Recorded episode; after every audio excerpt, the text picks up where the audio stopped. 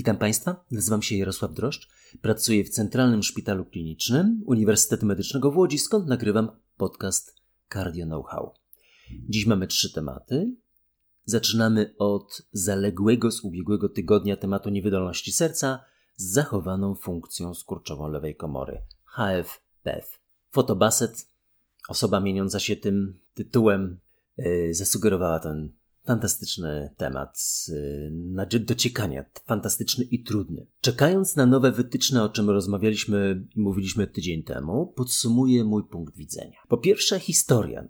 Wiecie Państwo, stare dziadki mają takie podejście, że zawsze wspominają stare, dobre lata.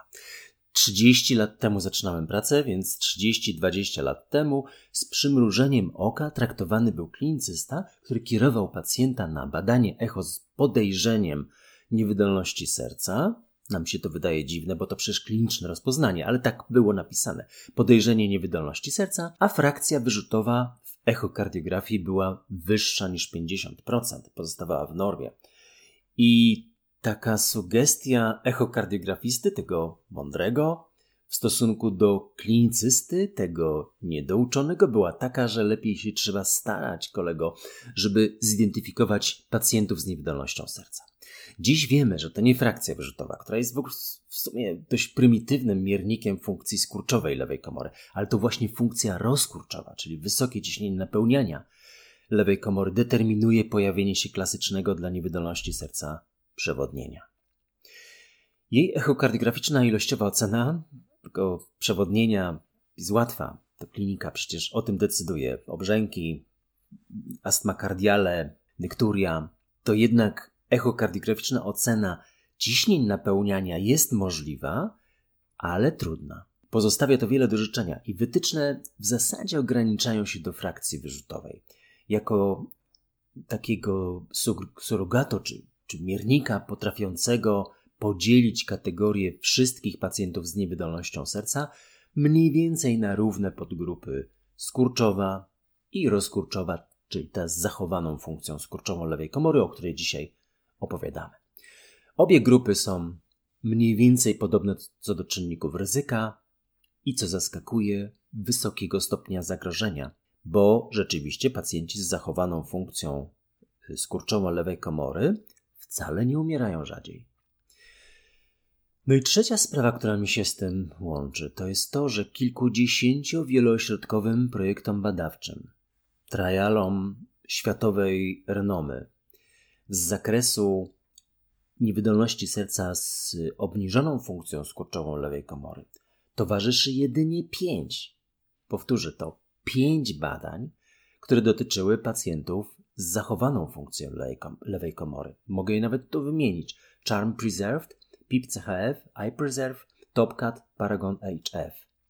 Ale co znacznie ważniejsze, spośród tych skutecznych badań, mniej więcej 30 to było takie landmark trials, czyli takie, które uzyskały niesłychanie spektakularny sukces w zakresie poprawy rokowania po zastosowaniu danej substancji w leczeniu niewydolności serca. Ale żaden z nich nie dotyczył tej formy, o której rozmawiamy, niewydolności serca z zachowaną funkcją lewej komory. Nie obserwowano żadnej istotnej poprawy przeżycia, stąd leczenie nie jest łatwo. No nie jest oparte na żadnym projekcie badawczym wieloośrodkowym, który mówiłby, że dana substancja jest lepsza niż placebo. No i co oczywiste też w tej formie niewydolności serca najczęściej nie ma też wskazań do klasycznej elektroterapii. Tak, bo ACD, CRTD to są techniki dla frakcji wyrzutowej znacznie obniżonej. Więc co mówią wytyczne? No, przede wszystkim rozczarowują trochę tą formą, bo to jest niecała strona na 111 stron dokumentu. Z 2016 roku czekamy na nowy, ale nie sądzę, żeby to się miało jakoś specjalnie zmienić. Po pierwsze, leki moczopędne zmniejszają przewodnienie, to jasne. Zastój redukują objawy i to jest zasadniczy cel leczenia. Po drugie, inhibitory konwertazy, sartany, beta-adrenolityki. No teraz wiemy, że do tej grupy dołączają również ARNI, mają niespójne dane. Trochę korzystne, ale bez y, takiego, y, bez postawienia kropki nad i. Po trzecie, redukcja liczby hospitalizacji, jeżeli jest naszym celem, to w zasadzie mamy cztery substancje: nebivolol z beta-blokerów, digoksyna, spironolakton i kandesartan. No i to, co mówiłem, żaden lek nie wpływa w sposób istotnie statystyczny na rokowanie. No i wreszcie taki siedmiopunktowy plan, jaki ja leczę. Niewydolność serca z zachowaną funkcją lewej komory. Po pierwsze, no leczę, skupiam się na chorobach współistniejących, dlatego że one mienią się w tej formie wielochorobowości, ale w bardzo specyficzny sposób. Zasadniczo to nadwaga i cukrzyca. I te dwa elementy, niezwykle, trudne do leczenia, powinny być osią naszego postępowania w gabinecie, w klinice. Po drugie, szukam innych przyczyn przewodnienia, na przykład kardiomyopatia przerostowa czy amyloidoza. To są potencjalnie poddające się leczeniu choroby, w odróżnieniu od niewydolności z zachowaną funkcją lewej komory, których leczenie jest, jak wspominaliśmy, trudne. Po trzecie, usuwam niedokrwienie. Wykonuję scyntygrafię perfuzyjną, patrzę, jaki jest stopień indukowanego niedokrwienia. Nie wykonuję tu koronarografii, tylko jeszcze raz powtarzam, nieinwazyjną diagnostykę, scyntygrafię, a potem rewaskularyzację, zależnie od jej wyniku. Po czwarte, wdrażam zawsze diuretyk pętlowy, najczęściej torasemid i spironolakton jako antagonista aldosteronu, który ma działanie nie tyle moczopędne i nie takiego oczekuje od spironolaktonu, ale właśnie całą gamę działań y, zapobiegających m.in. włóknieniu mięśnia, przedsionka itd. Tak Będzie, myślę, o tym jeszcze mowa, dlatego że to przynosi rzeczywiście poprawę, ale w perspektywie kilku miesięcy. Po piąte, obniżam ciśnienie tętnicze, szóste, zapobiegam tachykardii i siódme, czekam na potwierdzenie moich i nie tylko moich przypuszczeń o niezwykle korzystnej roli flozyn. Na ten temat też z pewnością będzie jeszcze mowa. Drugie pytanie, pana Grzegorza. Jaka jest diagnostyka i postępowanie w non-STEMie, zawał bez przetrwałego uniesienia odcinka ST? No, znowu, stary dziadek sięga do historii. Dawniej, te 30 lat temu, pacjent ze STEMI to był taki prawdziwy zawał, a taki non-STEMI to był taki zagrażający, albo nie, nie mieliśmy jeszcze troponin na przykład. 30 lat temu, 20, nie było troponin. Teraz nawet nowe wytyczne z 2020 roku, dokładnie traktujące o tym, czego dotyczy ten fragment podcastu, 2020 y, rok, strona ptcardio.pl, Polskiego Towarzystwa Kardiologicznego, zapraszam, mówi o tym, że te inne, wówczas stojące na pierwszym tle CPK, CKMB w ogóle nie powinny być stosowane, bo nie poprawiają niczego, co chcielibyśmy poprawić w zakresie diagnostyki y, zawału bez uniesienia odcinka ST. Więc ten zawał STEMI to taki poważny, a non-STEMI to mniej.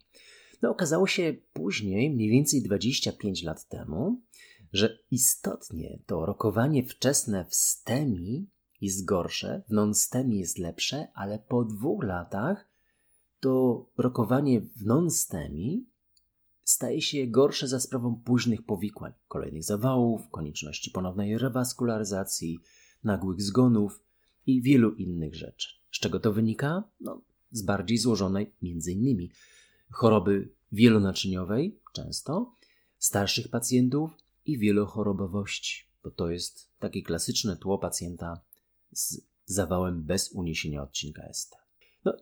No, jeszcze 10 lat temu było mniej więcej pół na pół zawałów.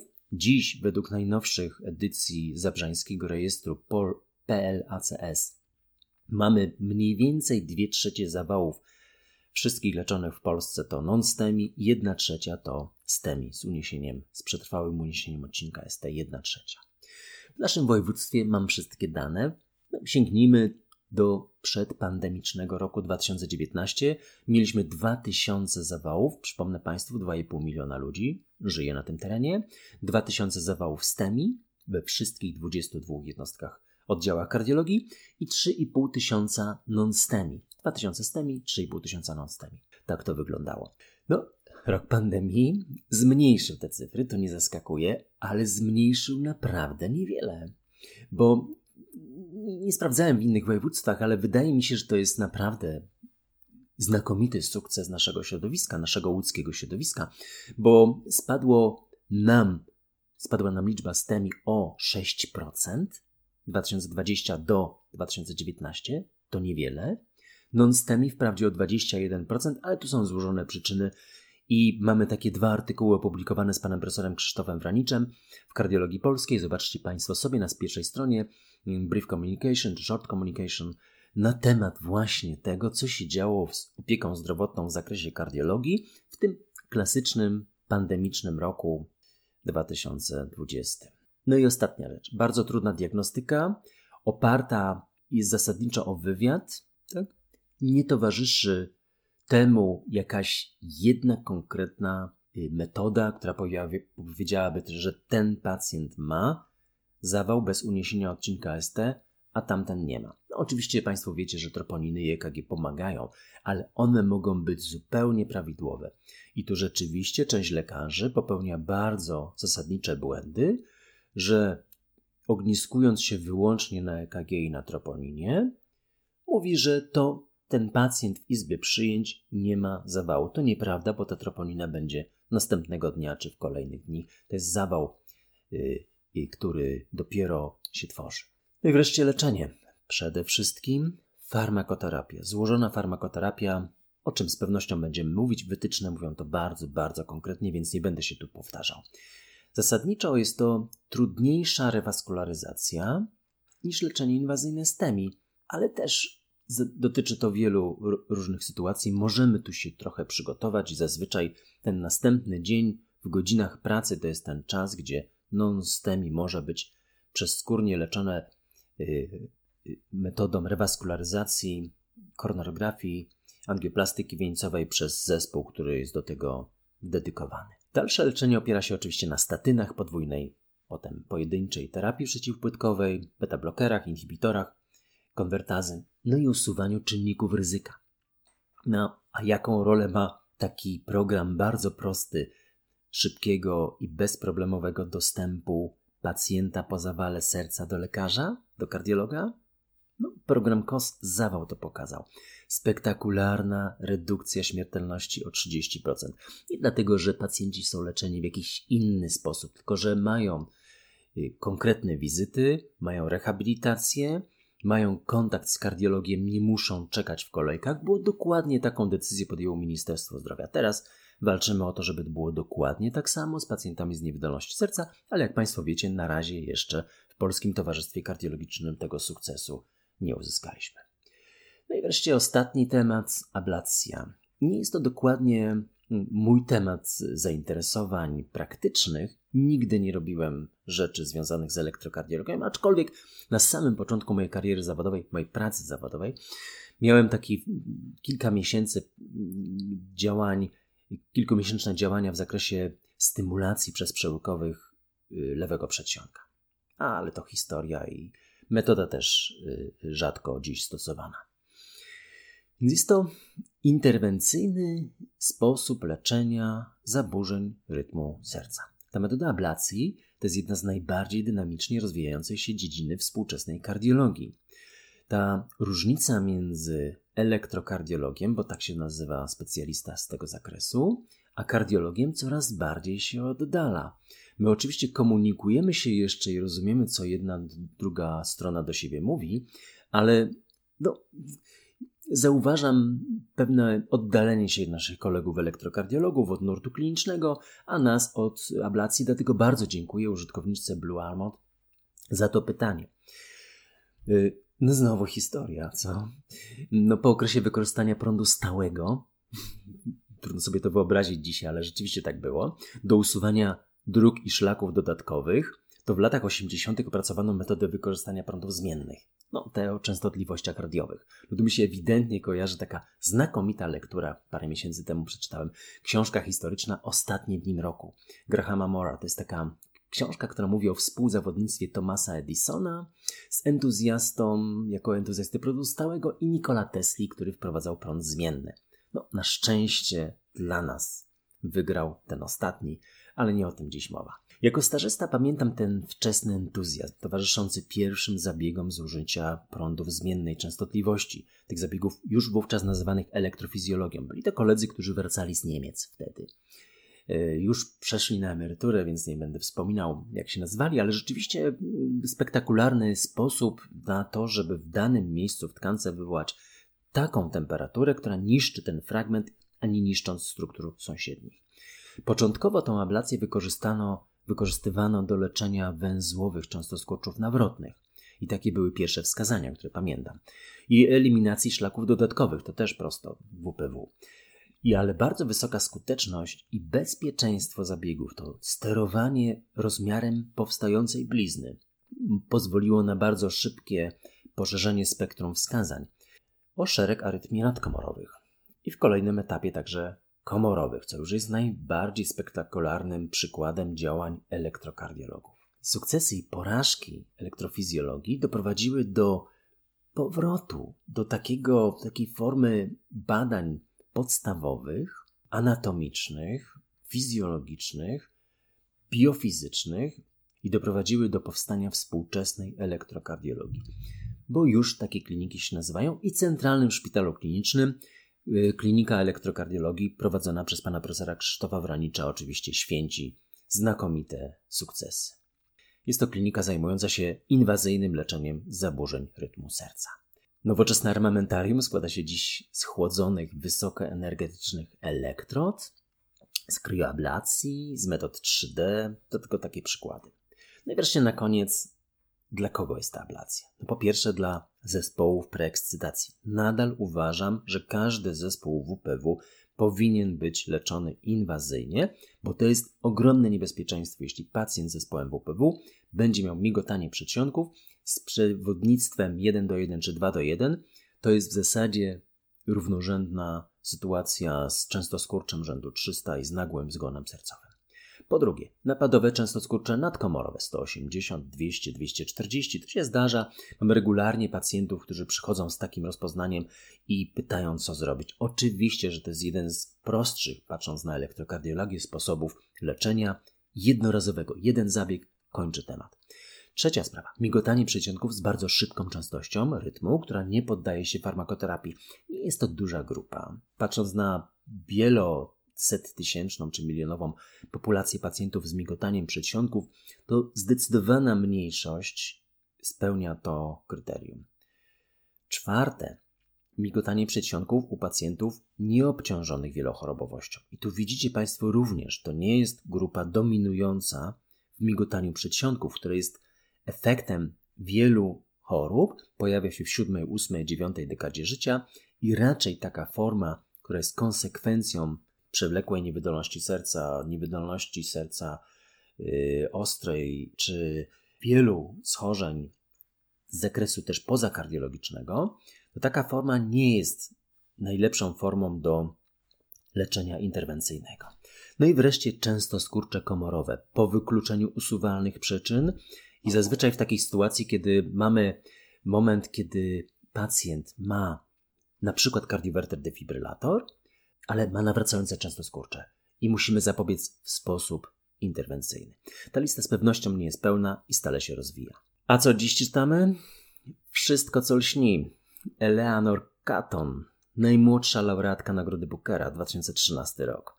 Była dwa razy w Polsce, była w Warszawie, była w Krakowie.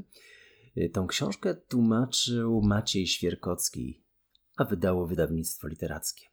W wersji angielskiej ma 830 stron, jest największą. Ma 830 stron i jest dużą epicką powieścią. W polskiej wersji ma 930 stron. Jest to opowieść o gorączce złota, gdzie no, wędrujemy po, po kontynentach, w związku z tym jest to opowieść o gorączce złota w Nowej Zelandii. Lata 60. XIX wieku, liczne barwne postaci z całego świata, wątki historyczne, kryminalne, astronomia, astrologia, to lubię, z atmosferą nagłych fortun i nierozerwalnie z nimi związanych spektakularnych upadków. Szanowni Państwo, zapraszam do komentarzy, do zaznaczania naszego mm, podcastu Cardio Know-how i oczywiście głosowania na kolejne pytania, na kolejne tematy. Na tych mediach społecznościowych, Instagram, Facebook, znajdziecie Państwo możliwość głosowania, a postaram się spełnić Wasze oczekiwania. Bardzo też będę Państwu wdzięczny za promocję podcastów wśród Waszych kolegów, koleżanek i komentarz, choćby jednym słowem, choćby jedną gwiazdką. Dziękuję bardzo.